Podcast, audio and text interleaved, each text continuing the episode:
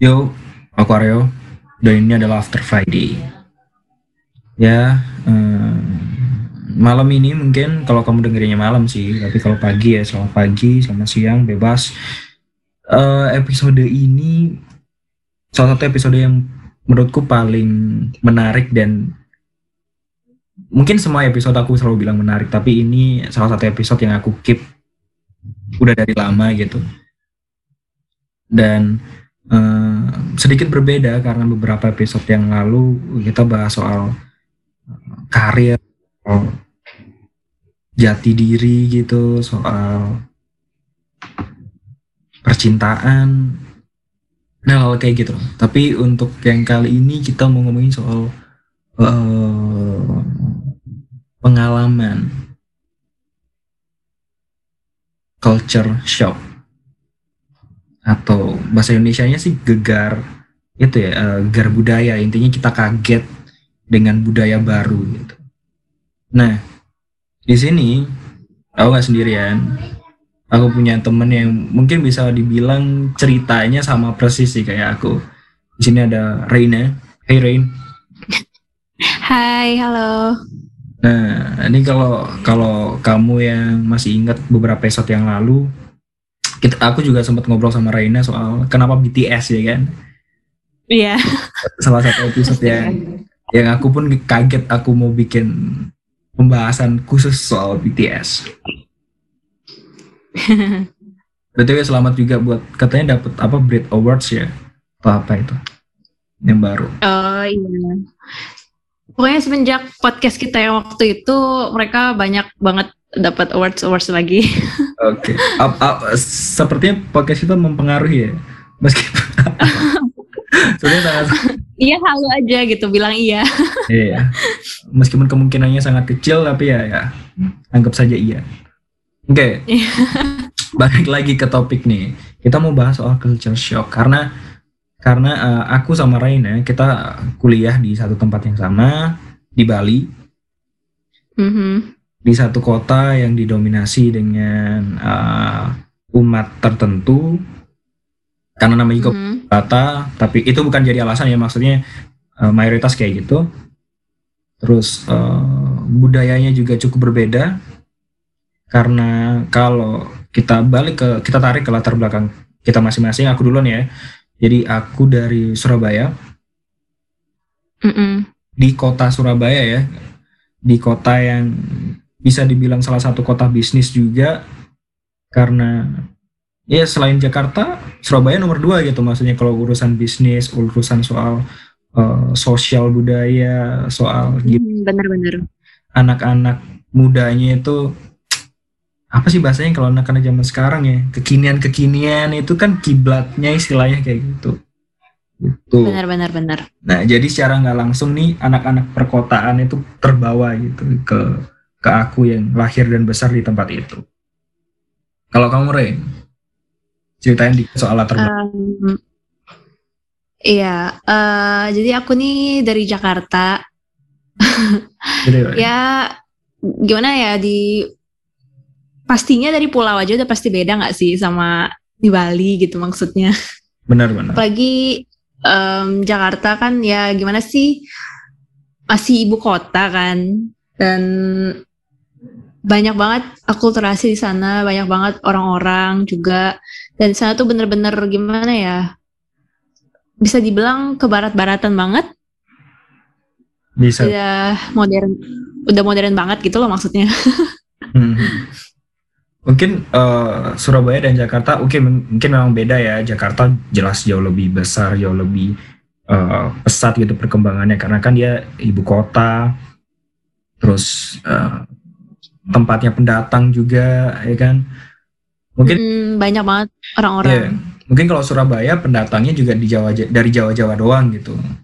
Meskipun udah beda beda beda apa ya? Budaya budaya udah beda per kota, per eh, provinsi, tapi setidaknya tetap sama-sama orang Jawa gitu di, di Surabaya. Tapi Hmm. Nah, kalau Jakarta itu kan bener-bener lebih luas lagi, banyak orang-orang dari mana-mana gitu. Benar-benar nggak nggak terbatas gitu kan. Hmm, bener banget. Nah, nih kita berdua sebagai orang luar gitu ya, orang luar dari Bali. Suatu ketika di tahun 2018 entah kerasukan apa kita tiba-tiba memilih Bali sebagai lokasi studi uh, lanjutan kita setelah SMA dan SMK. Kamu dulu Hmm. alasanmu apa? Apa yang merasukimu untuk memilih Bali sebagai tempat buat kamu kuliah? Aduh, ini cerita bisa panjang nih kayaknya. It's okay, it's okay. Jadi tuh em, tau lah kelas 3 SMA atau SMK pasti stres banget gak sih? Maksudnya ke depannya mau kayak gimana? Karena istilahnya kuliah tuh kayak gimana ya? Kita pasti punya persepsi kalau kuliah tuh kayak menentukan masa depan banget gak sih? Maksudnya kita kuliah di mana, jurusannya apa gitu. Em, terus waktu itu eh, aku tuh sama sekali nggak ada persiapan untuk SBMPTN, aku nggak ikut les. Terus Pokoknya aku nggak. Sorry guys rame.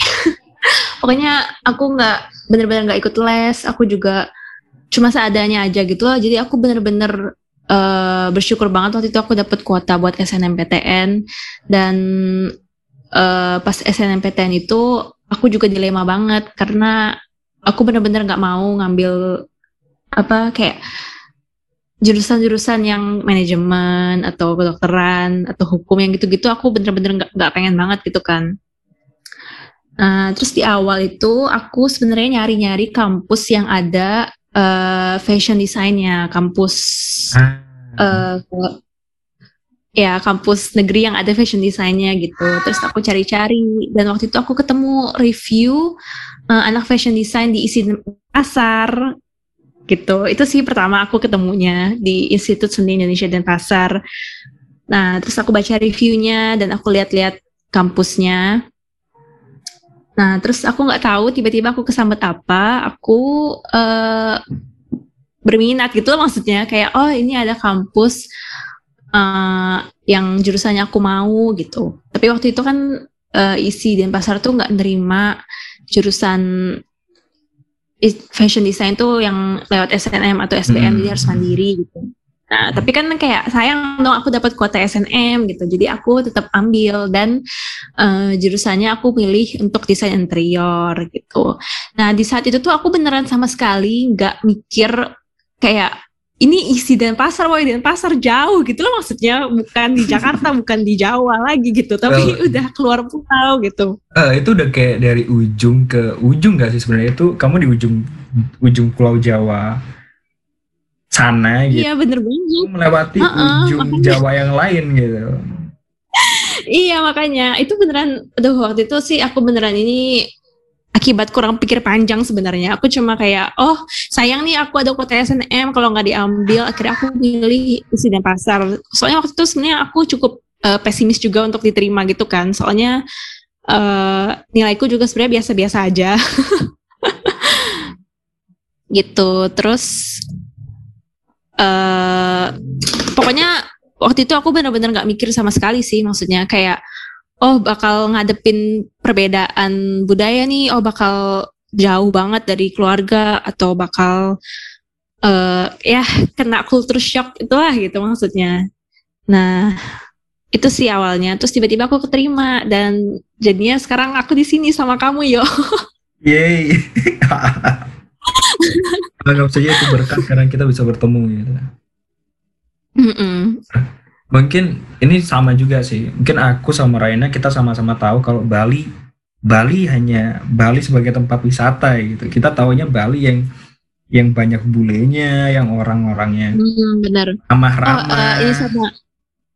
Aku mau nambahin juga. Aku juga sebenarnya dulu nggak nggak takut sama sekali ke Bali itu karena itu sih apa punya persepsi atau kayak istilahnya stereotipe lah kalau misalnya Bali tuh kayak dia free banget gitu loh maksudnya terus kayak dia open pokoknya persepsiku tuh kayak aku bakal free gitu loh di Bali. Nggak tahu kenapa aku bisa mikir kayak gitu. Iya iya benar-benar. Ya karena mungkin itu. Mm-mm. karena kan ya itu tempat itu pen, emang tempat pendatang juga sih. Cuman tempat pendatang hanya untuk sementara dan berlibur gitu ya. Iya bener banget. yang yang muncul stigma yang muncul ya hanya senang-senang bagaimana kehidupan setiap bangun tidur bisa ke pantai terus uh, kamu bisa pakai baju casual celana pendek cuman pakai apalah itu dengan sebebas itu gitu kan. Eh, bener banget bener banget. pikiran pikiran kita dulu juga berhenti di situ doang gitu. Aku pun kayak gitu karena aku tahu Bali aku ke Bali juga waktu cuman untuk uh, liburan doang. Mm-hmm. Suatu ketika kenapa kok aku bisa memilih kampus itu? Itu ketika uh, aku diracunin guruku sih sebenarnya. Jadi gua, salah satu guru oh. di, di sekolah yang salah satu dosen juga di Petra itu uh, ngajak kita nih anak-anak uh, siswanya untuk studi banding gitu. Studi banding ke beberapa kampus desain interior. Kita datang ke ITS, kita datang juga ke isi dan pasar gitu. Sebenarnya dosen ini si guruku ini juga alumni, cuman dia alumninya dulu di Udayana. Waktu masih hmm. Udayana gitu kan. Ya kita tahu Udayana salah satu kampus yang baik juga gitu kan, sistem manajemennya, hmm. pengajarannya dan sebagainya gitu. Jadi mungkin bisa jadi sistem manajemen yang baik akan uh, apa ya mengalir ke isi dan pasar juga gitu kan. Mm-mm. Aku studi banding ke situ, aku lihat kampusnya, aku merasa kayak wow kampus ini indah sekali gitu kan, banyak pohon-pohon gitu kan. Bener bener bener. Ya kan banyak pohon-pohon, terus bangunan-bangunannya mungkin buat teman-teman yang nggak tahu Institut Seni Indonesia di Denpasar itu ya ya kayak bangunan-bangunan Bali banget gitu semua semua bangunannya nggak ada yang modern bahkan kayaknya ya kan. Bener bener bener.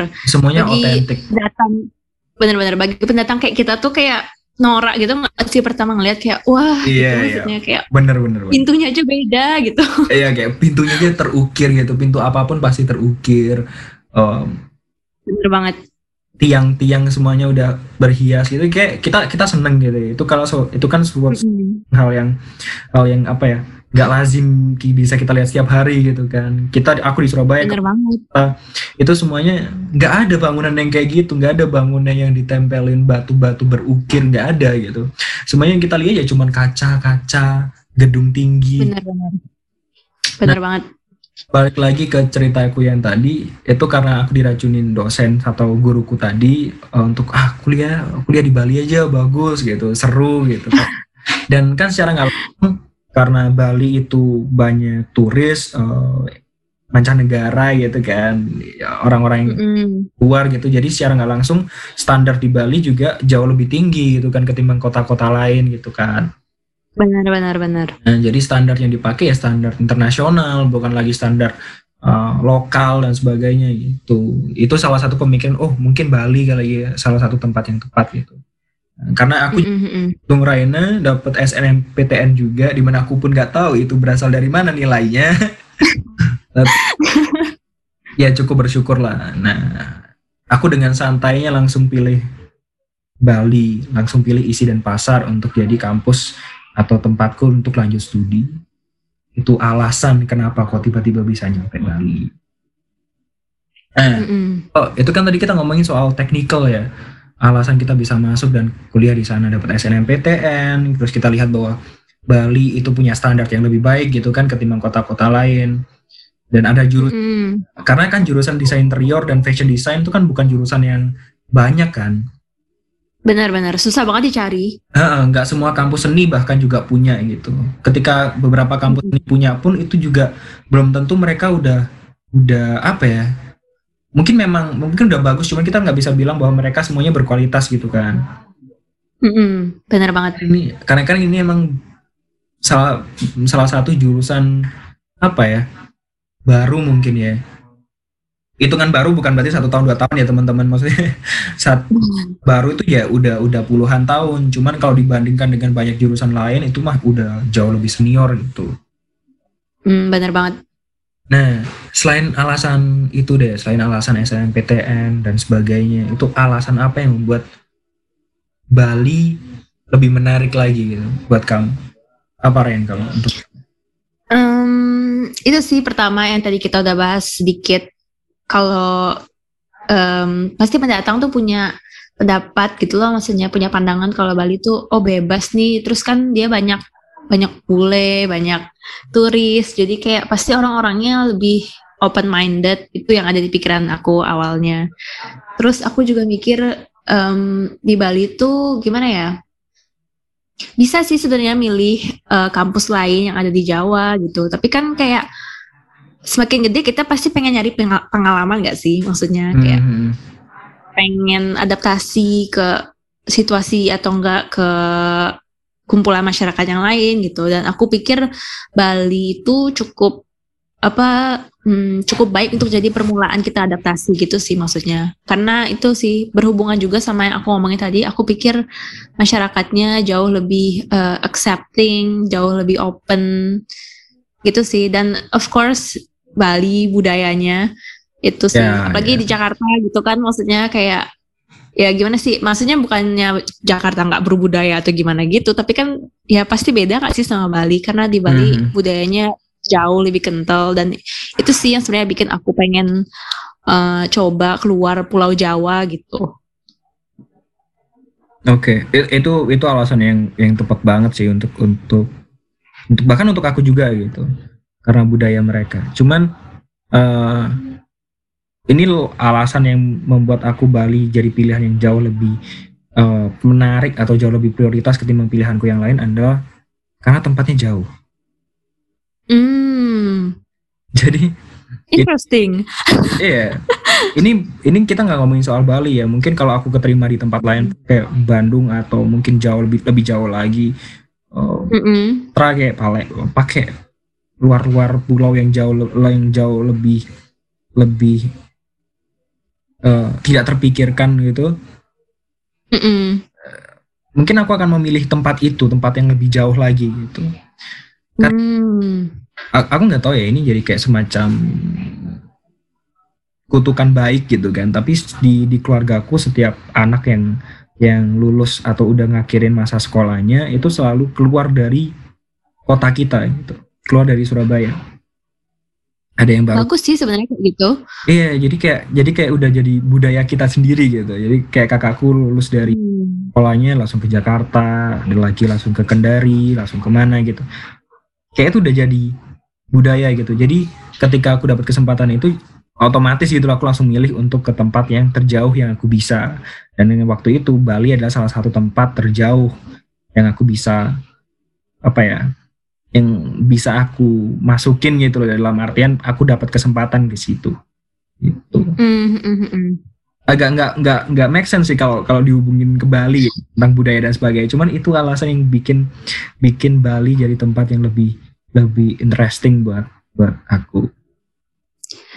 Tapi aku ngerti sih yo maksudnya. Um, kalau misalnya kita uh, pengen mengalami sesuatu yang baru gitu maksudnya pengen apa ya menambah pengalaman gitu kan gimana ya kayak agak sia-sia gak sih kalau misalnya kita ke tempat yang deket-deket aja gitu? Benar benar benar jadi of course kita apa bakal milih tempat yang jauh yang lebih challenging gitu maksudnya yang pasti perbedaannya kentara gitu loh daripada tempat kita asalnya. Hmm. itu jadi salah satu pertimbangan sih biar rasa rasa kita kuliah rasa jadi anak perantauan itu lebih kerasa gitu kan kalau iya. cuma beda kota atau masih dalam satu provinsi dalam dalam satu pulau yang sama itu masih kayak kurang gitu kan. Kan kita bisa pulang kapan aja kan. Bener banget. Beda kalau kita dengan kondisi saat ini gitu di Bali atau mungkin teman-teman atau kamu-kamu yang yang kuliah di luar pulau juga bisa ngerasain kalau kita nggak nggak bisa pulang dengan apa ya seterserah itu gitu kayak setiap akhir semester pulang gitu. Enggak bahkan kita kayak setahun sekali pulang pun enggak tentu gitu. Bener banget. Di lain dari budaya ada memang persyaratan-persyaratan bahkan waktu kuliah yang berbeda. Kayak kampus kita nih kampus kita termasuk punya jadwal yang berbeda gitu dari kampus-kampus lain gitu. Ketika teman-teman yang lain udah libur kita baru masuk.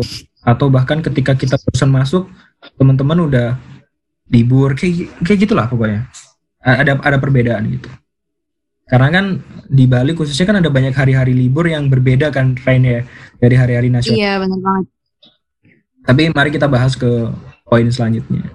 Nah, itu kata Oke. soal itu tadi kan soal latar belakang kita nih. Kenapa kita bisa tiba-tiba Mm-mm. ke Bali dan alasan kita bisa ke Bali. Nah, balik lagi kita ngomongin soal culture shock. Nah, nih aku Mm. di salah satu jurnalnya Binus ya. Kita menggunakan kampus lain ya. Bina Nusantara. Oh. Jadi culture Gak shock. apa-apa juga banyak referensi. Eh, eh. jadi aku bacain nih dari jurnal mereka. Mm. Culture shock atau gegar budaya merupakan istilah yang digunakan untuk menggambarkan perasaan terkejut, gelisah, dan keliru yang dirasakan apabila seseorang bersentuhan dengan kebudayaan yang berlainan. Seperti Uh, berat berat. eh, seperti ketika kita berada di negara asing. Ini versi mereka. Mm. Nah, sebenarnya gampang sih mengubah ke negara asing menjadi satu wilayah yang cukup asing dalam artian baik ya, cukup Mm. buat kita. Nah, aku mau tanya Rain, impresi pertamamu tentang sosial dan budaya ketika kamu pertama kali di Bali? Eh, hmm. Yang pertama pasti sih em, pertama aku ke sini aku norak sih itu yang pertama. Kayak lihat dari bangunannya aja udah beda banget dan lihat gimana ya. eh pertama yang benar-benar aku notice tuh sembayangnya mereka sih yo sebenarnya. Kayak misalnya sore-sore gitu mereka sembayang terus kayak naruh banten di depan pagar rumahnya itu itu menurut aku gimana ya budaya yang cantik banget sih. Maksudnya kayak oh ben- mereka bener-bener melestarikan banget ya gitu. Kalau di Jakarta kan kayak eh, mana ada sih yang kayak gitu-gitu gitu. Em, terus kalau dari sosialnya sih hmm, aku pertama masuk ke kampus itu yang beneran aku bersosialisasi sama anak-anak Balinya itu aku di kampus kan. Hmm.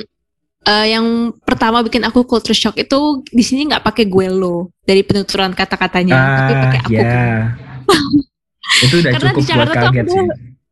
Nah iya, karena di Jakarta tuh aku beneran pakainya gue lo gitu kan. Justru kalau pakai aku kamu di Jakarta tuh agak kayak eh apa sih nih anak gitu maksudnya kayak formal banget gitu maksudnya. Atau atau apakah kita sedang menjalin hubungan cinta, ya kan? Iya, nah iya kan biasanya kalau di Jakarta aku kamu tuh buat pacar gitu loh maksudnya. Nah, buat pacar atau buat orang tua gitu maksudnya pakai aku gini-gini gitu. Nah di sini waktu pertama ketemu sama temen tuh kayak rasanya pengen pakai gue lo gitu tapi dia ngomongnya pakai aku kamu gitu dan aku kayak eh, aku juga harus pakai aku kamu nih gitu. Itu sih yang bikin aku shock banget pertamanya. Agak benar-benar benar. kikuk juga gitu maksudnya. Hmm, apalagi ya terus eh ini juga sih yang bikin aku kaget. Di sini tuh bener-bener eh, karena mayoritasnya mungkin agama Hindu gitu kan. Jadi eh, pakai baju tuh nggak nggak seketat peraturan di Jawa mungkin nggak gimana ya kayak pakai rok pendek itu udah biasa pakai tank top ke mana-mana juga biasa gitu Hmm. sementara aku yang meskipun Jakarta kan ya gimana ya dia metropolitan tapi tetap aja kalau misalnya di jalan gitu pasti ada aja yang ngeliatin kalau misalnya pakai celana pendek tank top gitu maksudnya keluar Hmm. rumah Mm, Ini- itu sih sebenarnya Iya, ini juga salah satu yang eh, salah satu dari impresi pertama aku sih waktu di Bali. Mungkin ini kita nggak bisa Mm, pin ke agamanya ya, karena mm-mm. eh, kerennya nih ya. Aku mulai dari impresi pertamaku. Ini aku bakal ngelanjutin oke soal Raina ini. Impresi Mm. malam pertama ketika aku di Bali adalah jam 7 malam itu udah pada sepi, men. Bener banget. Eh, ya kan? Karena Mm-mm, buat bener buat banget buat kamu yang yang yang mungkin mikir pasti Bali nggak mungkin sepi lah. Bali udah pasti eh, 24 jam gitu. Ya Mm-mm. mm, FYI nih ya. Kita tinggal di Denpasar. Kita tinggal di Denpasar. Kita tinggal di ibu kota ya kan? Ibu kota provinsi. Bener. Notabene-nya kotanya lah gitu maksudnya. Nah, kita bahkan tinggal di kotanya ya dan juga kita tinggal di salah satu pusat pemerintahan gitu kita dekat kantor DPR kita dekat kantor eh, dinas-dinas provinsi kita bahkan deket banget sama Polda ya kan Hmm, bener banget. kita deket banget sama Polda Polda Bali men ya yang ngurusin semua polisi-polisi di Bali itu kita dekat kantornya di situ kos kita, kampus kita juga dekat situ. Kampus kita bahkan dekat Hmm. sama salah satu gedung apa ya, pusat kesenian di Bali gitu kan ya. Mm-mm. Bener banget. Kita Bisa dibilang nyatu sih mereka. Heeh, gitu kita udah satu kita udah sebelahan bahkan nggak ya mungkin mereka dibangun satu komplek bahkan ya kan si Art Center itu Iya. tapi uniknya jam 7 malam itu udah pada sepi gitu kita ngomongin sepinya itu bukan bukan berarti nggak ada yang jualan ya tapi sepinya adalah udah jarang ada orang lalu lalang gitu Eh, orang jalan-jalan kayak atau sekedar pulang kerja orang-orang pulang kerja pun tuh udah udah minim gitu jam jam 7 malam kalau untuk orang-orang jualan sih masih ada ya cuman biasanya orang-orang yang jualan yang sampai malam banget itu ya orang-orang yang apa ya eh, pedagang asongan orang-orang kaki lima yang pakai gerobak gitu itu memang mereka bisa sampai malam-malam tapi itu yang aku kaget Mm-mm, bener banget. udah sepi nah yang bikin aku kaget lagi adalah entah kenapa lampu penerangannya itu kayak minim banget gitu loh Aduh, ini bener banget juga. Aduh, nggak kepikiran aku. Itu yang aku langsung shock ketika pertama malam pertama waktu ke sana. Karena eh, waktu aku pertama kali di Bali itu aku nginep di eh, salah satu hotel gitu kan di dekat Bajra Sandi bahkan. Bajra Sandi ada Hmm. monumen nasional gitu kan di di eh, monumen perjuangan gitu. Monu- monumen per- Mm-mm, mm. Bali Bajra Sandi. Itu kalau di Jakarta mungkin kayak Monas itu kan Iya bener-bener. Dia megah Gede banget. Eh, megah banget gede banget nah hotelku di situ tuh aku cuman keluar buat Hmm. Aku inget banget itu di The Coast. The Coast itu masih di jalan utama juga, masih di jalan utama yang. Oh. Tapi waktu aku jalan, waktu aku jalan itu mataku sampai kayak kayak berusaha untuk memfokuskan ini jalannya mana gitu kan. itu bahkan di jalan utama pun itu gelap. Bener banget, aduh. Bukan karena lampu penerangannya minim ya, kayak jumlahnya sedikit enggak, tapi entah kenapa tapi emang lampunya tuh dibuat nggak nggak terang-terang banget gitu loh. Jadi dikit-dikit remang-remang gitu. Jadi sekitar Iya bener banget. bulan beberapa bulan pertama itu aku agak susah untuk keluar malam karena aku kan agak agak bermasalah juga kan kalau kalau malam gitu gak bisa fokus gitu Jadi agak rabun senja gitu ya. Heeh, agak rabun langsung auto tua gitu kan kalau kalau lagi malam aku itu itu aku kaget banget sih kayak ini beneran lampunya kayak gini atau cuma di wilayah ini doang gitu kan iya bener banget. dan salah satu kondisi yang bikin aku shock juga adalah mereka bisa parkir motor terserah mereka dan gak cabut kunci motor Ah iya bener banget. bener-bener Taruh helm juga. itu Taruh aja.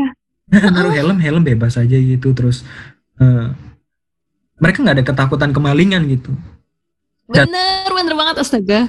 Dan setelah kita lama di situ kita sering ngobrol sama teman-teman yang lain kata mereka ya ya emang emang di sini jarang ada kasus sampai pencurian yang sampai sebegitunya gitu kan biasanya pencurian itu itu dilakukan sama pendatang sama orang Mm-mm, bener banget. karena kalau orang Balinya sendiri dengan yang mereka meyakini meyakini apa ya eh semacam konsep gitu ya konsep dari agamanya itu mereka Mm-mm. karma kan jadi orang Mm-mm, bener banget.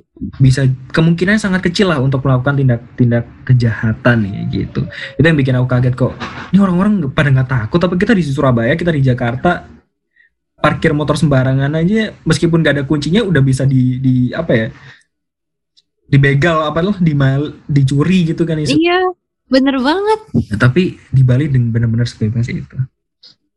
Nah, kalau lebih ke spesifik soal sosial dan budayanya adalah mungkin sama kayak di Jakarta sama di Surabaya. Mungkin ketika ada anak-anak Bali ke Surabaya atau ke Jakarta bisa jadi mereka juga shock juga. Kita di Surabaya di Jakarta kita lebih terbiasa menggunakan bahasa Indonesia gitu kan. Mm-mm, bener banget. Apalagi di Jakarta karena kan terlalu banyak tuh sukunya nggak mungkin bisa pakai bahasa sukunya masing-masing. Kecuali beberapa suku Mm-mm. yang emang udah lama ada di Jakarta. Termasuk di Surabaya. Surabaya emang ada sih bahasa kayak bahasa rakyatnya gitu kan ya bahasa anak-anaknya bahasa Jawa campur eh, Indonesia slang-slang gitu. Nah itu sama kayak aku aku Raina pasti ngerasain ketika kita di Bali. Bahkan sejak hari pertama kita semacam ospek ya namanya Mm-mm. itu anak-anak Bali itu ngomong pakai bahasa Bali bener-bener pakai bahasa Bali gitu It- Iya, bener banget. Bali pakai bahasa Bali yang dari awal sampai akhir.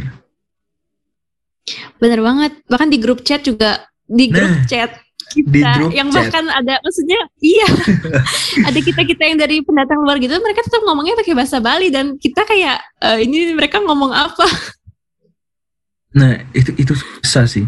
Itu salah satu yang aku paling susah untuk memahami. Bahkan sampai sekarang pun aku juga cukup sulit untuk memahami. Sedikit malu sih sama sama sih yang lain, teman yang lain kan kadang-kadang udah bisa tuh sedikit-sedikit memahami. Aku masih kayak eh tolong artinya apa atau bisa bahasa Indonesia kan gitu. Atau bener-bener aku juga kayak gitu ya, teman-teman baru ngomong berapa kalimat aku langsung kayak eh bisa bahasa Indonesia aja gitu. Heeh. Nggak Sebenarnya enak agak sih. malu sih cuma aduh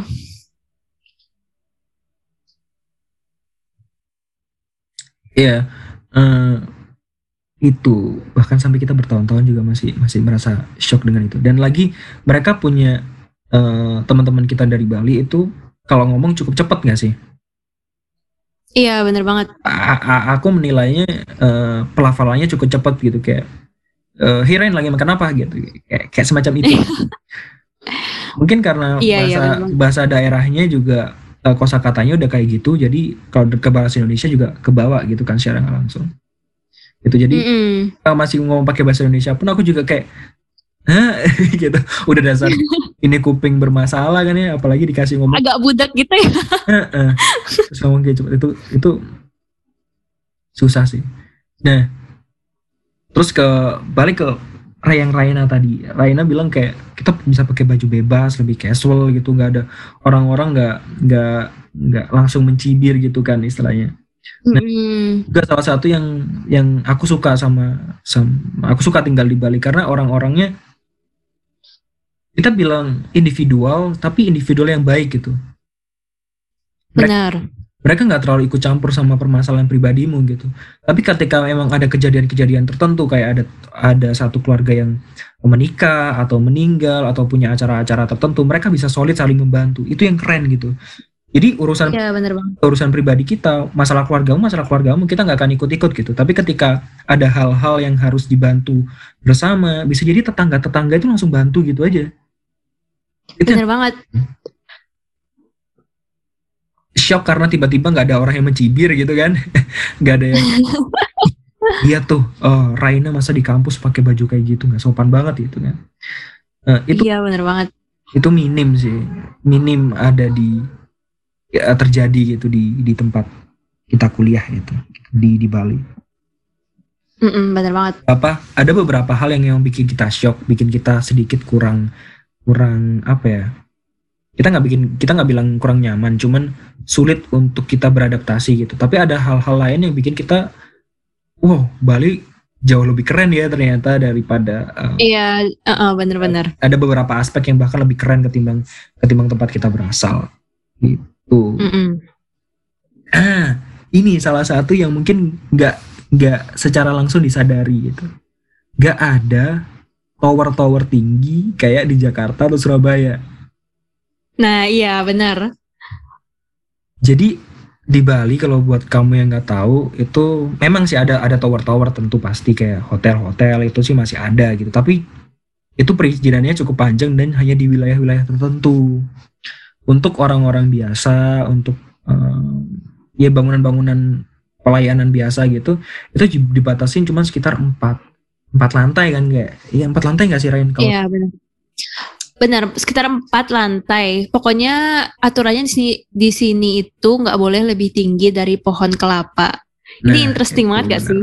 itu Aku baru pindah ke sini itu bener-bener kayak, oh ada ya aturan kayak gini gitu. Jadi Hmm. kalau kalian misalnya main-main ke Bali pasti eh, nggak per- nggak bakal lihat tower-tower yang kayak di bundaran HI di Jakarta tuh nggak ada di sini. iya iya iya itu shock banget sih ketika eh, lihat ini segini banget ya terus tiba-tiba kita ke mall gitu ya kita ke mall kayak cuman empat lantai tiga lantai udah Mm-mm. dan kan mereka kecil-kecil gitu ya kecuali mall-mall tertentu gitu ya Ya. Heeh. Oh. Mall-mall di sini juga mini-mini size sih. Eh, kayak Beach Walk atau ga- apa Bali Galleria ya MBG itu Mm, Galeria lumayan sih. emang mereka cukup besar bahkan tapi tapi mereka juga nggak lebih besar dari mall-mall yang ada di kota-kota kita gitu kan Hmm, benar. Karena memang di sana lebih lebih banyak mall-mall yang ya kecil-kecil aja gitu dua lantai tiga lantai tapi kit- tapi lengkap ya kayak tetap ada Starbucks tetap ada bahkan Mm-mm. ada Gramedia gitu-gitu. eh, ada barang-barang barang-barang mewah yang yang dijual di mall-mall yang kecil-kecil itu tadi Heeh. yang menariknya Keren sih. eh, yang menariknya lagi kita cuma naik naik dua lantai deh di lantai dua atau mungkin lantai empat gitu kita bisa lihat langsung lurus ke mana-mana gitu ya sih iya iya kayak Nah. oh segini langsung kelihatan seluruh isi mallnya gitu loh maksudnya. Nah, ini ada yang menarik. Mungkin kamu juga tahu, Ren. Ada mall yang dekat kampus kita. Aku lupa namanya. Mhm. Yang arah di ke taman tanaman tanam orang jualan tanaman-tanaman itu. Oh, Nah, aku biasanya sama yang deket bundaran tuh kan ya? Aduh, Benar, apa benar. ya namanya? bukan bundaran, lebih ke ya. pertigaan sih, tikungan gitu. Ah iya. Heeh, heeh, tahu tahu tahu. Aduh, aku lupa namanya. Maaf Nah, saya kuper guys. Iya. Oke. si si mall itu kan ada ada di lantai paling atas kalau nggak salah itu kayak ada uh, outdoor areanya gitu, Rain. Nah, kalau kita ke Mm-mm. duduk di situ aja gitu kita bisa ngehadap lurus kita bisa langsung lihat GWK Oh, oh. Wow. literally kita bisa lihat GWK gitu itu keren banget gitu kan kita jarang bisa lihat kayak gitu. Iya, di bener. Bagi- di Surabaya atau di Jakarta kita naik dua lantai yang kita lihat eh, masih dinding gitu kan kita masih Iya, awan gitu kita ke lantai Bener 40 gitu, lantai 40 ke atas 60 ke atas baru kita bisa lihat awan-awan kita baru bisa lihat iya. lain gitu baru bisa kelihatan Bener banget, bener banget. gitu loh itu itu salah satu yang keren tapi di satu sisi kayak jadi eh apa ya kita aku ini sorry ya mungkin bisa dibenarkan tapi aku bisa bilang kayak sedikit kurang menarik dalam artian pemikiran aku kan orang yang cukup aku nggak gimana ya ngomongnya aku takut aku salah nih maksudnya jadi aku Dan dan dan. aku adalah orang yang suka eh, hal-hal yang modern gitu jadi aku suka banget gedung-gedung tinggi kayak kayak di Jakarta, di Surabaya yang yang Mm-mm. arsitek-arsitek yang explore gitu kan desainnya mereka gitu. Mm-mm. Sedangkan di Bali aku aku berharap akan melihat hal yang sama gitu.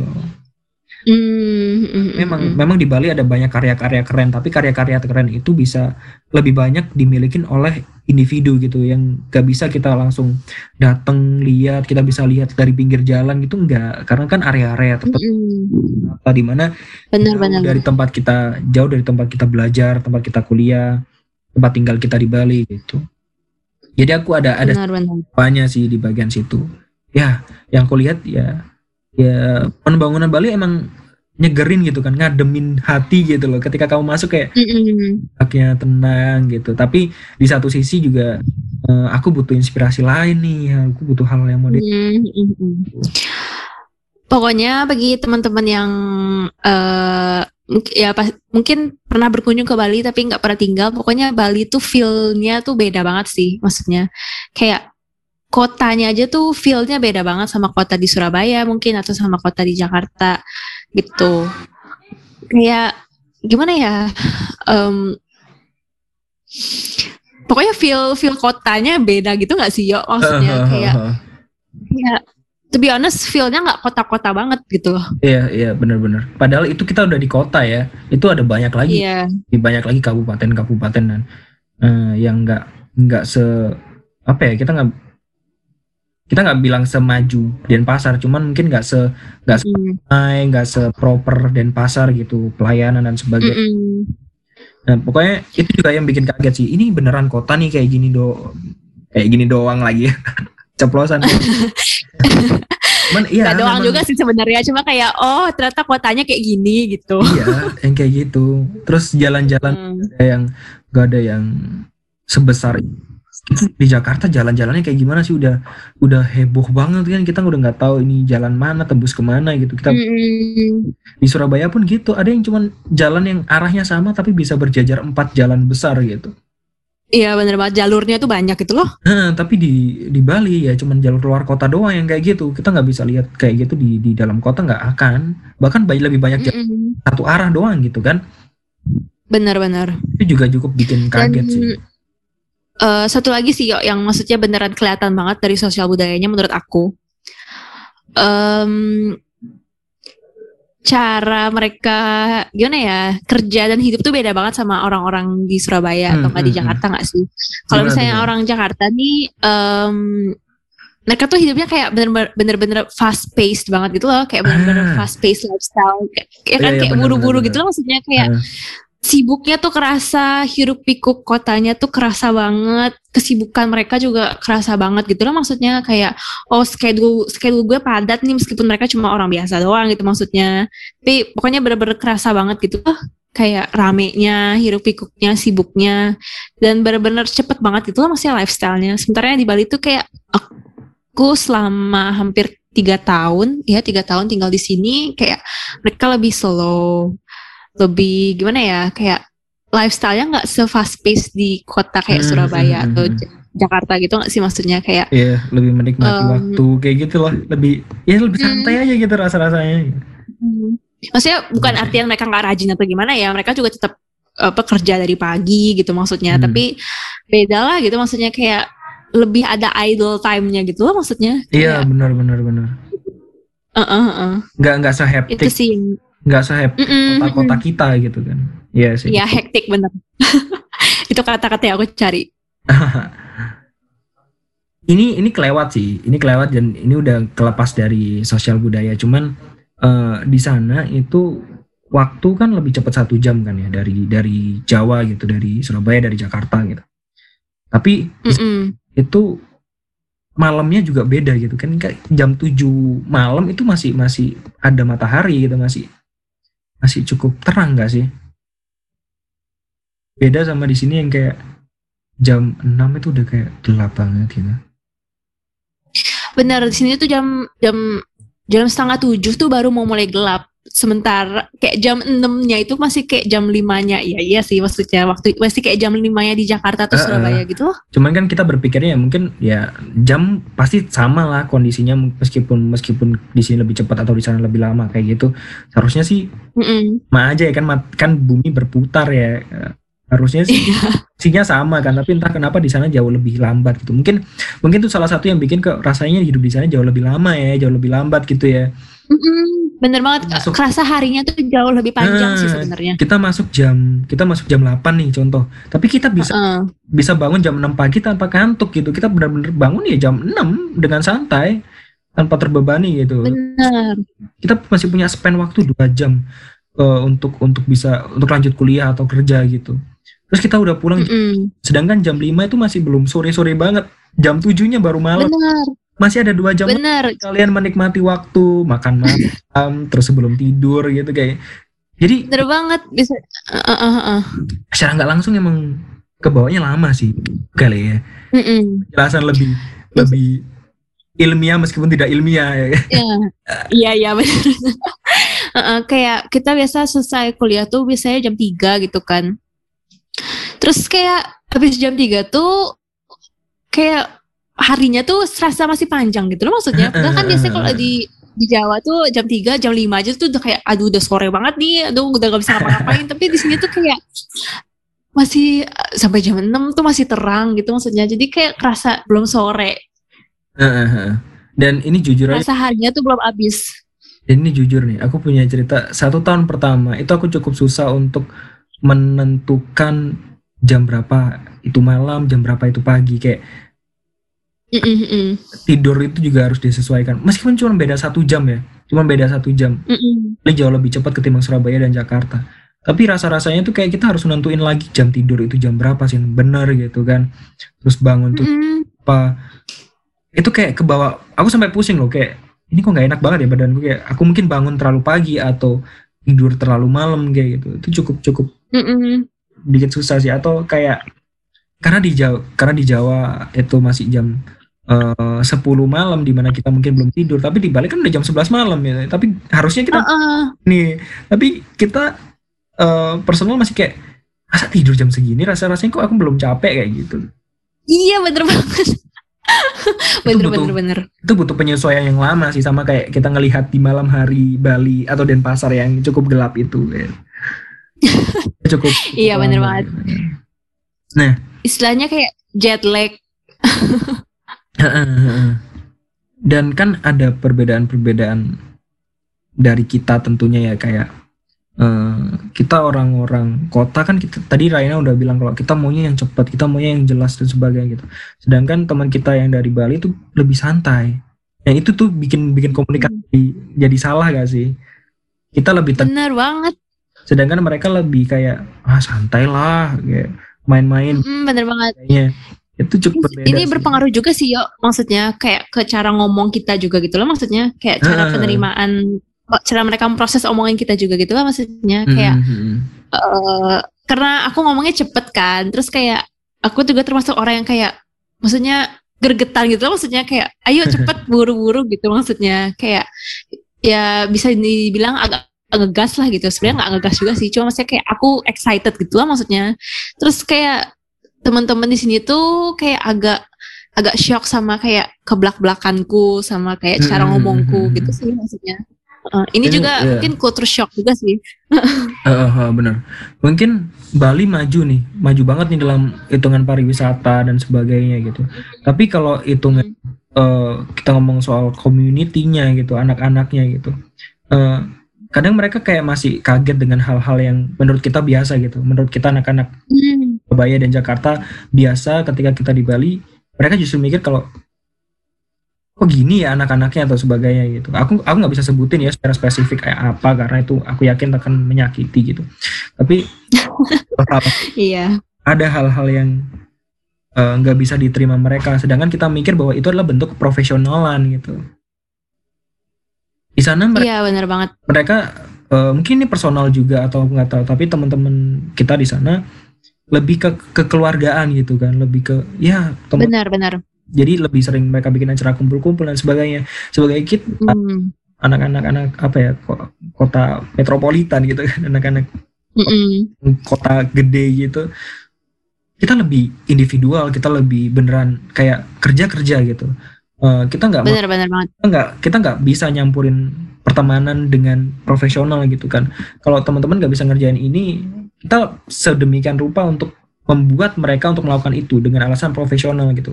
Sedangkan mereka bisa bikin kayak udah deh nggak apa-apa aku aja yang kerjain gitu. Dengan alasan kekeluargaan Iya, itu yang kerasa dan cukup cukup cukup mengganggu ya dalam dalam program eh, apa ya pembelajaran dalam artiannya itu baik baik gitu. Tapi untuk kita untuk kita yang tidak terbiasa dengan hal itu jadi sedikit mengganggu gitu. Benar-benar. Dan eh, gimana ya? Ini mempengaruhi juga sih maksudnya. Kayak em, mereka tuh eh, bisa dibilang nggak enakan. Kayak mereka nggak Hmm. mau menyu- kayak mereka tuh nggak mau menyuarakan apa yang menjadi masalah bagi mereka gitu loh. Iya, iya. Kadang mereka nggak setuju pun mereka lebih mending tidak menyuarakan itu gitu dan Hmm. itu aku sampai sekarang tuh masih nggak habis pikir kenapa gitu loh maksudnya padahal kan kayak eh, kalau kita ngomong secara profesional gitu kan kayak mendingan ya bilang aja gitu maksudnya kan ini kan Hmm. juga menyangkut eh, kita sama-sama gitu loh. Maksudnya daripada ada rasa nggak enak atau misalnya ada Oke. yang ga- ganjil atau kendala gitu maksudnya. Eh, kita nggak bilang sebenarnya. eh, kita nggak bilang bahwa itu adalah hal yang buruk ya. Itu justru bagus banget. Hmm, enggak enggak rasa mm-mm. kekeluargaan artinya kita lebih toleransi kita lebih menghargai orang lain gitu. Tapi untuk memang kita tidak terbiasakan hal itu jadi itu yang jadi masalahnya. Jadi nggak ada yang salah sih. Mm-mm. ada yang salah cuman emang benar-benar cuma eh, Kita- beda aja gitu kita eh, eh, lingkungan kita berbeda didikan kita berbeda nah Hmm. sekarang kan kamu udah tahu nih banyak hmm, kamu yang dengerin podcast ini udah tahu seluk beluknya kita alasan kita dan apa aja yang kita hadapin di situ gitu ini mungkin nggak semuanya menjelaskan apa yang sebenarnya eh, kita rasain tapi setidaknya ini bisa menyampaikan eh, apa ya sedikit eh, kita spill spill dikit gitu gimana rasanya kehidupan Hmm, hmm, hmm. apalagi yang kontras banget dari kita yang benar-benar anak metropolitan gitu kan ke satu kota di Mm-mm. besar yang di mana lebih tenang lebih s- perla- lebih perlahan gitu kan pola hidupnya Mm-mm. Lebih nyeni lah istilahnya. Eh, eh, lebih lebih seni menjalani hidup dengan Hmm, benar-benar kebahagiaan gitu nah Bener-bener. Ini ini salah satu pertanyaan yang paling menarik sih dengan perbedaan yang sebegitu banyaknya ya kan bisa dibilang 180 derajat berbeda gitu dari yang kita kerja cepat jadi kerja tenang gitu kerja lebih Mm-mm. gimana kita bisa bertahan bahkan sampai hampir tiga tahun di sana Hmm. Interesting. Kamu dulu aku, aku dulu nih Ray. Um, boleh yuk duluan. Sambil memikirkan jawaban, eh, saya akan Iya. jawab lebih dulu. Gimana bisa survive di situ? Hmm. Sebenarnya Bali itu tempat yang benar-benar baik untuk untuk kamu yang mau mencoba ngerantau. Aku nggak tahu Bali jadi tempat yang paling aman untuk ngerantau. Aku nggak tahu apakah kalau aku dari Surabaya ke Jakarta bakal lebih baik. Meskipun kita sama-sama pulaunya sama, kita lebih banyak pakai bahasa Indonesia, eh, terus eh, Mm-mm. bisa kita lebih lebih kita nggak bilang mayoritas ya, tapi kita lebih bisa nemuin banyak orang yang rasnya sama kayak kita gitu. Tapi belum tentu di sana lebih aman gitu. Benar. Bali itu tempat yang aman banget, bener-bener aman banget. Kamu cewek mungkin ya, pulang di atas jam 12 malam, ya itu bahaya ya, aku tidak merekomendasikan. Cuman ketika kamu pulang di atas jam 12 malam, kamu masih bisa jalan dengan tenang gitu loh. Itu eh, apa ya? Itu salah satu hal yang bisa menjamin bahwa memang kehidupan di Bali jauh lebih aman ketimbang di kota-kota lain. Mungkin kayak yang tadi karena mereka mempercayain karma, jadi sedikit ada ada kemungkinan untuk em, mereka melakukan kejahatan gitu. Meskipun tidak menutup Hmm, benar banget. Terus eh, seberapa bedanya kita, sebanyak banyaknya perbedaanku dengan teman-teman yang memang berasal dari sana, itu nggak nggak secara langsung membuat kita nggak bisa bekerja sama gitu loh. Ya kita sebagai manusia tentunya tetap butuh toleran kan, butuh butuh lebih fleksibel gitu kan. Kalau memang mereka nggak bisa kita ya kita yang harus menyesuaikan mereka gitu kan ada ada tuh kan eh, apa namanya semacam peribahasa di mana kita harus menjunjung tinggi ya hukum yang ada di sana hukum di mana tempat kaki kita berpijak gitu kita orang Jawa nih. Mm-mm. dari Jawa kita aku dari Surabaya kamu dari Jakarta. Tapi mau bagaimanapun juga kita di Bali. Kita harus menghormati apa pun yang di Bali itu mau bagaimanapun juga Benar. datangnya jangan sok-sokan kamu di sini sebagai anak perkotaan terus kamu merasa kayak oh kamu paling benar kamu paling superior gitu. Gak bisa gitu. Di mana pun juga kamu tetap di Bali di tanah orang lain. Jadi cara kamu survive ya ya kamu menghormati mereka kamu lebih fleksibel ke eh, mereka gitu dulu aku merasa kayak eh, ketika ketika teman-teman yang lain sembahyang aku merasa kayak aneh dan sebagainya gitu. Tapi setelah setelah kamu lebih berpikir dewasa kamu lebih memahami tentang konsep mereka itu mereka melakukan hal yang cukup keren gitu bahkan. Yang bisa jadi nggak bisa kita lakukan. Kalau ngomongin soal Benar-benar. kalau ngomongin soal spiritual aku rasa nggak ada yang bisa ngalahin mereka deh dengan banyaknya Benar, benar banget. dengan banyaknya peraturan, dengan banyaknya adat-adat yang harus dilakukan. Berbeda gitu. Aku yang cuma satu minggu sekali ibadah itu kan, ya kita terlepas berdoa personal ya. Cuman intinya kan ada cuma satu minggu sekali aja. Ah, gitu kan. Iya, benar banget. Sedangkan mereka yang bisa benar-benar setiap hari, bahkan ada hari-hari tertentu, apalagi nyepi di mana kamu sembahyang yang benar-benar sembahyang gitu. Itu ada banyak hal yang bisa lebih dikagumi di situ gitu. Cara kamu survive Benar. kamu menghormati itu jangan sampai kamu eh bikin ulah lah ya kan di tanah orang lain itu sih itu yang bikin kenapa kok kita bisa bertahan di situ Benar. benar ya Hmm, menurutku sih em, aku mau ngelanjutin yang Aryo ngomong tadi di Bali Oh, itu iya. aman dan orang-orangnya itu bisa dibilang baik-baik banget. Aku mungkin karena dari dulu tinggalnya di Jakarta ya dan Jakarta kan ya kalian tau lah individualistis banget gitu maksudnya ku- kurang ada kegotong royongannya lah gitu. Tapi di sini itu aku banyak banget ketemu sama orang-orang baik yang maksudnya siap ngebantuin juga gitu loh maksudnya kayak eh, kita kesusahan nih kita minta tolong tuh pasti tetangga-tetangga kita atau orang-orang yang tinggal di sekeliling kita teman-teman juga teman-teman kita yang dari Bali. Itu maksudnya mereka bener-bener nggak ada pamrih banget tapi mereka mau ngebantuin kita. Itu maksudnya. Eh, beda lah maksudnya nggak nggak hitung-hitungan gitu loh maksudnya orang-orangnya. Mereka nggak pelit juga eh, seneng ngasih. Itu sih sebenarnya Bali hebatnya orang-orangnya. Itu salah satu keuntungan kenapa mereka lebih menjunjung tinggi kekeluargaan, Rey, ketimbang kita yang lebih profesional tapi kita sering menyakiti, gitu kan? Iya bener sih. heeh. Kita Bener anak-anak anak-anak kota lebih mikir-mikir kayak aku ngasih kamu ini bisa aja harusnya sih depan ke depannya kalau aku kesusahan kamu harus bantu aku juga kayak gitu kan kita minta timbal. Iya, Tapi kalau di sana ini sih negatifnya di kota bener-bener. Kalau di sana benar-benar gak ada ya kalau kamu mau bantu bantu aja gitu. Tanpa tanpa tanpa minta-minta lagi tanpa mengungkit-ungkit lagi di di yang sebelumnya gitu. Itu itu yang keren sih. Dan Heeh. ada lagi lain yang kamu tukar Dan ini ya sih, maksudnya aku setuju banget sama poin kamu yang kayak eh, kita tuh juga harus menjunjung tinggi adat istiadat yang di mana kita tinggal gitu maksudnya. Kayak kita tinggal di situ nggak semata-mata kita tinggal doang numpang gitu maksudnya, tapi kayak nggak ada gimana ya nggak ada ketertarikan atau nggak ada kayak keingintahuan lebih gitu loh maksudnya untuk kayak ikut berbaur sama mereka gitu. Pasti ya ini hukum di mana aja nggak sih sebenarnya kalau misalnya kita Iya. pindah ke tanah orang kita juga harus mau ikut gimana ya? Ikut eh, berkontribusi lah ke dalam gimana ya maksudnya kayak ikut mau eh mengikuti adatnya mereka gitu maksudnya. Kayak gitu sih menurut aku. Y- yang kunci kunci untuk survive sih itu sebenarnya. Hmm.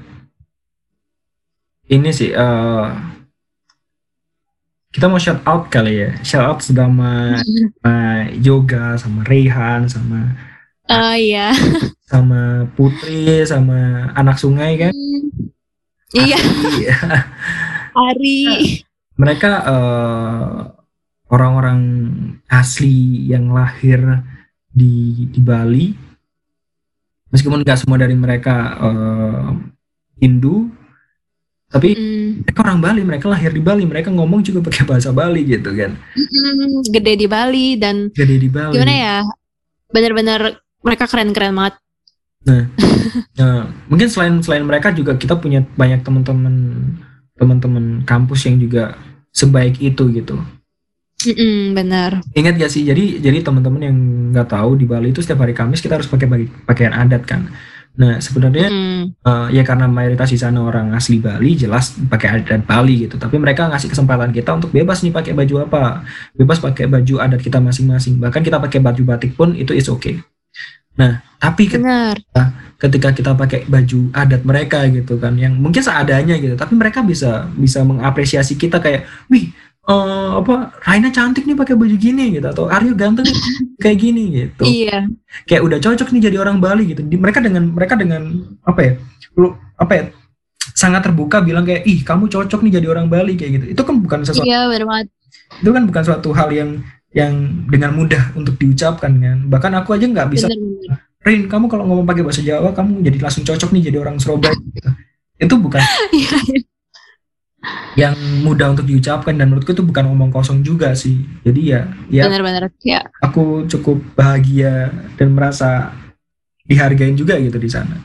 bener maksudnya kayak kita tuh ngerasa di accept gitu loh sama mereka kita Hmm. kayak ngerasa oh eh, ini loh aku juga ikut apa menjalankan adat istiadatnya mereka gitu maksudnya terus mereka tuh mengapresiasi kita itu bikin kita ngerasa gimana ya kayak oh kita pengen berpartisipasi lebih lanjut gitu loh maksudnya kayak kita pengen eh dibi- dibilang kayak orang Bali lagi gitu maksudnya lah ngerti gak sih Iya, bener. Bahkan kayak upacara-upacara adat yang mungkin bisa jadi kita pun nggak paham, tapi mereka tetap ngasih kita kayak, eh datang ke acara aku lah atau apa gitu. Mungkin hmm, bener itu sederhana. Cuman bagi kita yang dari pendatang kita masih kayak wow kita dihargain loh untuk mendatangin acara adatmu gitu kan. Meskipun nggak secara langsung. Hmm, itu itu tetap sebuah hal yang yang keren gitu. Kalau kita ngomongin soal bener bener pertemanan di sana ya kayak gitu. Kita memang berbeda kita memang berbeda banget gitu kan banget deh ketika kita ngobrol pun berbeda. Ketika kita kumpul nih ya kan aku sama Raina kita lebih lebih tipe tipe tipe yang argumen gitu kan. Iya bener banget. Enggak sih tapi tapi teman-teman tapi teman-teman yang lain kayak yang lebih kayak lebih santai lebih kayak oh iya sih oh masa kayak gitu-gitu doang.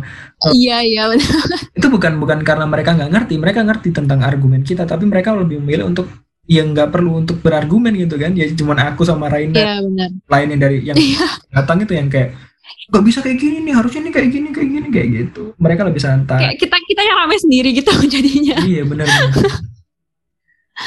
Iya sih, uh, toleransi mereka sih keren banget sebenarnya.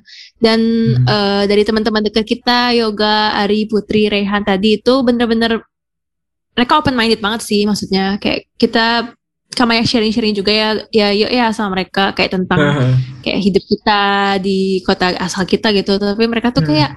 Uh, gimana ya mereka mau mendengarkan gitu loh maksudnya kayak benar-benar dan juga gitu. mungkin ini sih kayak, kayak uh, teman kita kita yang emang berasal dari situ kan karena memang mayoritas adalah uh, apa ya kelompok tertentu gitu ya jadi uh, mm -hmm. sedikit gitu informasi-informasi yang bisa mereka dapetin soal dunia luar mm -hmm, bener banget dan mungkin aku sering tanya gitu kan kalau kamu punya pilihan nih kamu mau keluar atau enggak mereka banyak yang lebih memilih kayak ya aku mau stay di Bali aja aku nggak nggak berusaha untuk keluar dari Pulau Bali gitu aku sadar sih karena mm -hmm. menawarkan lebih banyak uh, privilege gitu kan dibandingkan dibandingkan kota-kota lain gitu. Iya. Yeah. Nah, mm -hmm. gak itu jadi kayak seakan-akan mikir kayak oh, seriusan kamu nggak mau mm, lebih berkembang lagi gitu tapi ya ya kesempatan orang beda-beda gitu kan.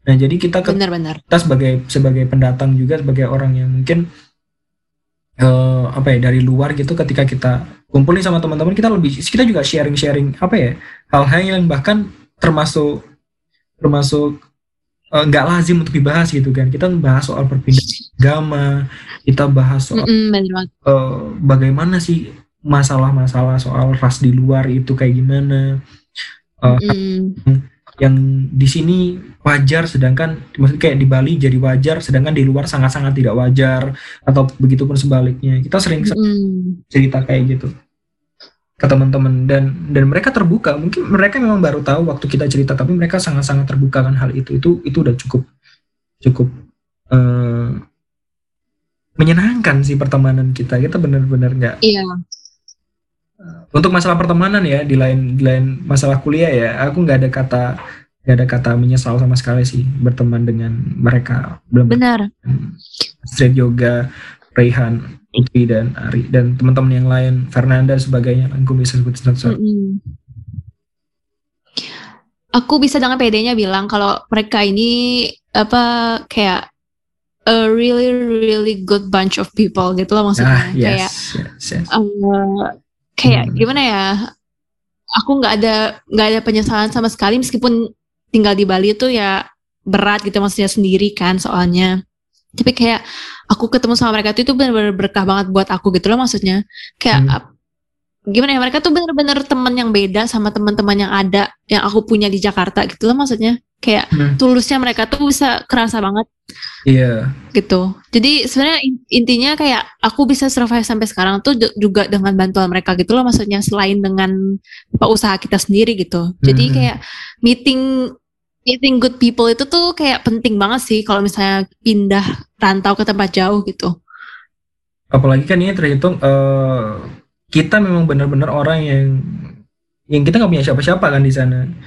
Kita benar-benar punya keluarga gitu. Bener. Temen kita benar-benar generasi pertama gitu kan yang yang ke situ gitu. Iya benar banget. Itulah kenapa mm -mm. pertemanan kita di sana jadi jadi sebegitu berartinya gitu. Kamu kita mm-hmm. keluarga jadi kayak kayak ya mereka lah keluarga kita gitu mereka ada acara lebaran ya kita datang ke situ mereka punya acara uh, ngetata saya juga datang ke situ ada yang bikin acara apa renovasi rumah shout out to Astrid. Uh, shout out ke Astrid dan Mama iya. Astrid ya. Iya. Kerennya kita benar-benar gak cuma sekedar teman gitu yang cuman cuman have fun. Mereka juga memahami kondisi kita. Eh, kita pun juga berusaha untuk memahami keadaan mereka gitu.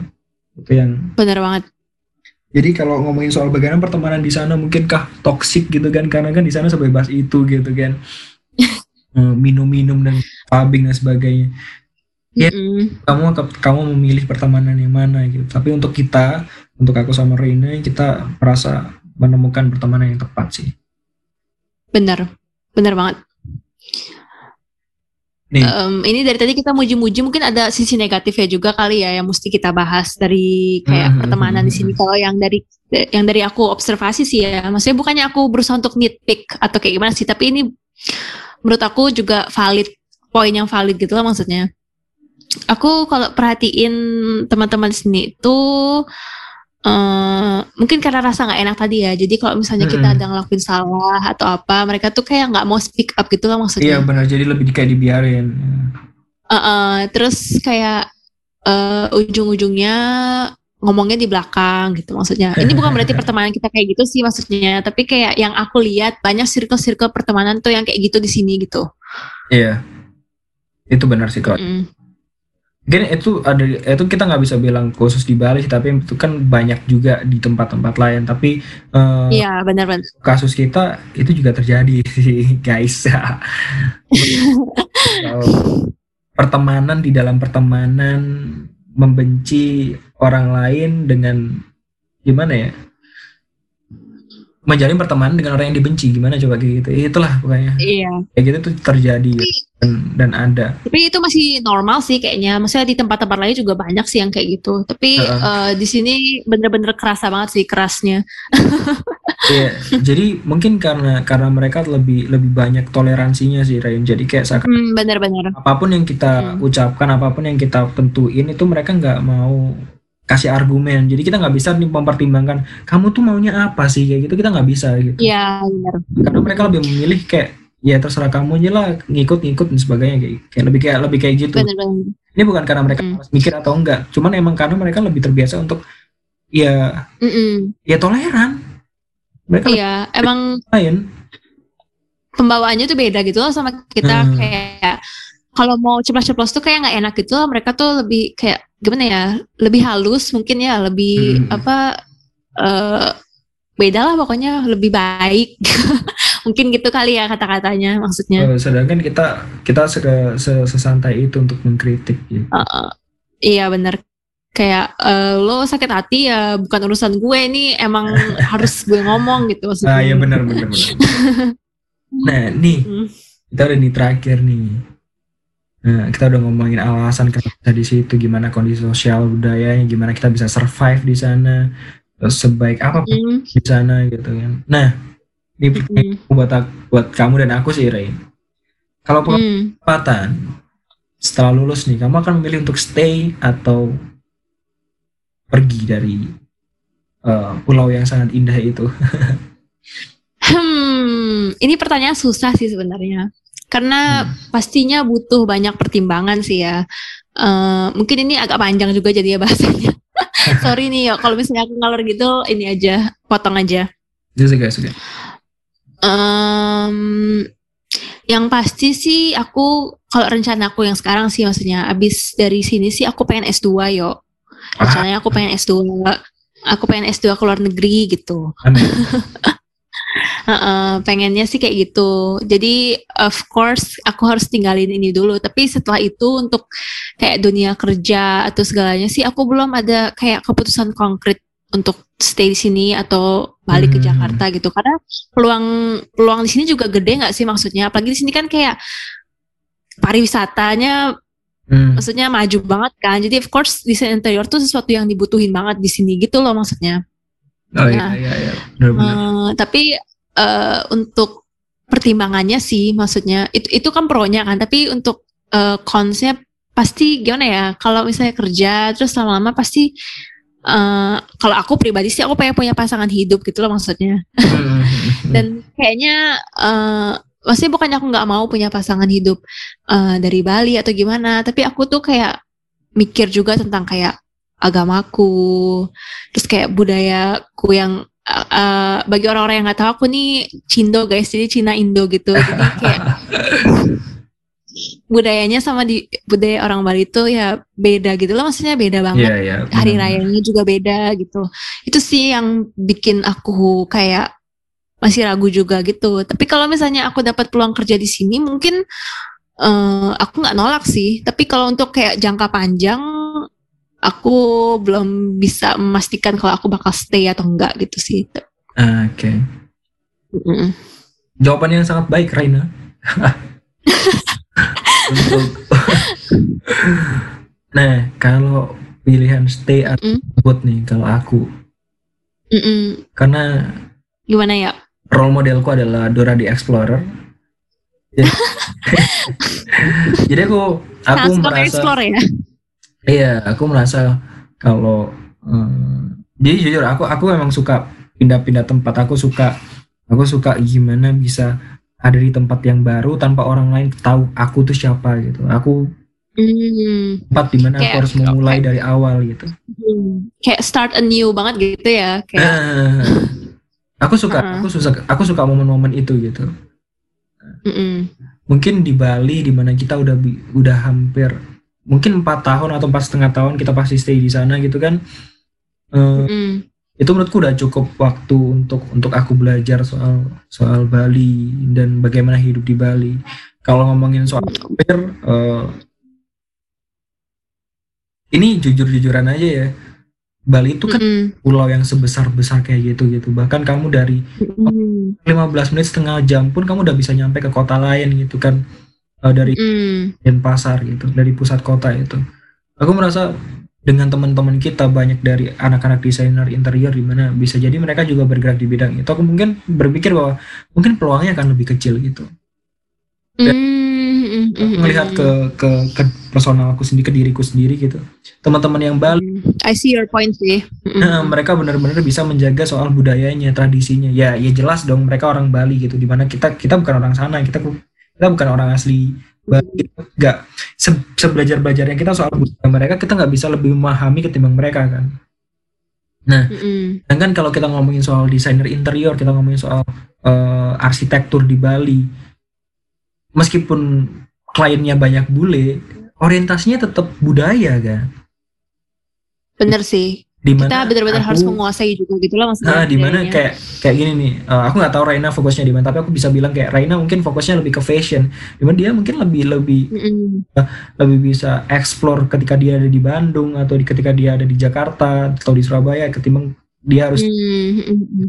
Begitupun dengan aku, aku lebih aku lebih suka dengan hal-hal yang lebih minimalis, lebih lebih eh, modern banget. Aku lebih suka soal jurnalistik, otomotif dan kayak gitu. Aku nggak bisa stay di Bali gitu. Karena mungkin memang Mm, mm, mm. fokus yang aku mau mau dalamin untuk kehidupan karir dan profesional aku bukan di Bali tempatnya gitu. Mungkin kalau kalau aku memang mau fokus ke pariwisata, aku mau fokus ke ke arsitektur yang gayanya tro- tropis tradisional kayak di Bali gitu. Mungkin aku bakal stay di Bali kayak gitu sih. Mm, mm, mm. Ini lebih alasan dasarnya adalah ya ya empat empat tahun empat tahun setengah lebih udah cukup lah untuk aku di sana. Aku mau explore tempat lain yang yang aku nggak tahu sama sekali. Itu sih kalau aku bisa pilih. Mm, mm, mm. Adalah mungkin aku bakal lebih memilih untuk cabut. Kecuali tahu. Good point sih yo. Iya iya. Maksudnya aku aku kayak ini kacamata yang baru untukku gitu. Maksudnya. aku nggak per- nggak aku nggak pernah mikir ke sana juga gitu loh maksudnya. Hmm. Di lain di lain kita pasti sama-sama pingin S2 sih sama sih. Cuman di lain di, Mm, di lain itu kalau kita S2 kan emang itu resiko kan Rain. Kita pasti harus meninggalkan terlepas dari kita pingin tinggal atau enggak kita harus meninggalkan. Karena benar. karena ya ya tuntutan kita gitu Punya keluar ya. punya ambisi juga nggak sih nggak sih? Maksudnya kayak kita punya ambisi untuk kayak ke jenjang yang lebih advance gitu lah maksudnya. Hmm. kayak uh, gitu sih. Ya diaminin aja guys. Semoga bisa gitu kan. Amin amin. Dan that's it. So wrap. Itu no. Obrolan kita yang kayak no, padahal. ini ini seru banget soal kita ngomongin. Mungkin kita nggak spesifik Mm-mm. nggak spesifik soal ngomongin shock culture-nya ya. Cuman kita ngomongin soal ya bagaimana kita menanggapin soal perbedaan kita kekagetan kita eh spesifik Mhm. Bali gitu Benar-benar. Dan ini kita, kita sebenarnya nggak nyentuh semuanya sih. Ini beneran kayak yang bener-bener kita em, alamin aja. Of course kalau kalian yang Hmm. emang pengen bener-bener pindah ke Bali mungkin beda, mungkin lingkup pergaulannya beda sama kita. Uh, mungkin kalian uh. ranah mainnya juga beda gitu. Jadi ini beneran kayak em, gimana ya? The tip of the iceberg banget sih sebenarnya kita bener-bener Bener. ngedalamin banget. Eh kita kita juga kita ada beberapa poin yang nggak kita bahas kayak kita nggak bahas soal bagaimana makanan di sana di mana kita bisa kaget kayak Mm-mm. makanan kayak gini atau kita kaget karena masih ada makanan tiga ribuan di sana atau lima ribu iya bener banget dan Terus, di sini juga kita juga nggak ngebahas kayak oh mitos-mitos or kayak keyakinannya mereka yang masih beneran yakin banget sama spiritualnya uh, gitu, gitu. beneran di mana kita jadi mm. dua kali untuk melakukan suatu hal gitu kan iya bener banget keberadaan transportasi di sana itu minim banget transportasi massal ya Uh, hmm, transportasi uh, publiknya tuh bener-bener uh, minim banget. Kayak cuman antar kota doang yang beneran ada gitu. Misalnya nggak ada. Mm -mm. Upacara upacaranya juga kita nggak nyentuh sih, maksudnya. Uh, uh, hari banyak, libur hari liburnya ada apa aja. Banyak hal-hal. Mungkin nanti yuk uh -uh, part boleh, two boleh, gitu boleh. kan. kita bisa bikin part 2 sih. Dengan mm -mm. pandangan orang, pandangan dari satu teman kita yang dari Bali asli kali ya, itu kayak lebih menarik. Iya, uh, jadi lebih tahu. dalam mungkin. Nah, kita mungkin bisa bikin kayak pandangan mereka soal anak-anak rantau, pendatang gimana? It's a good. Hmm. Ya, hmm, menarik juga. Yoga aku ya. Oke, okay. that's it. Thank you, Reina. Terima kasih banyak. Thank you semua. Thank you ya udah ngundang oh. aku. Yo yo yo Jadi itu percakapan kita soal shock culture. Oh, culture shock. Aku sampai bingung itu depan yang mana intinya itulah nah semoga uh, obrolan kita bisa membantu kamu untuk membuka pandangan kamu. Gimana sih rasanya ada di satu wilayah di mana kamu harus memulai dari awal? Kamu nggak tahu apa pun soal mereka soal wilayah itu. Tapi yang penting adalah kamu harus menjunjung tinggi adat istiadat hukum atau apa pun di mana kakimu berpijak di mana pun itu. Nggak di Bali nggak di Jakarta Surabaya Jawa bagian mana Sumatera Papua. Intinya tetap kamu harus hormatin apa pun yang ada di tempat itu. So, Aquario, see you on the next After Friday.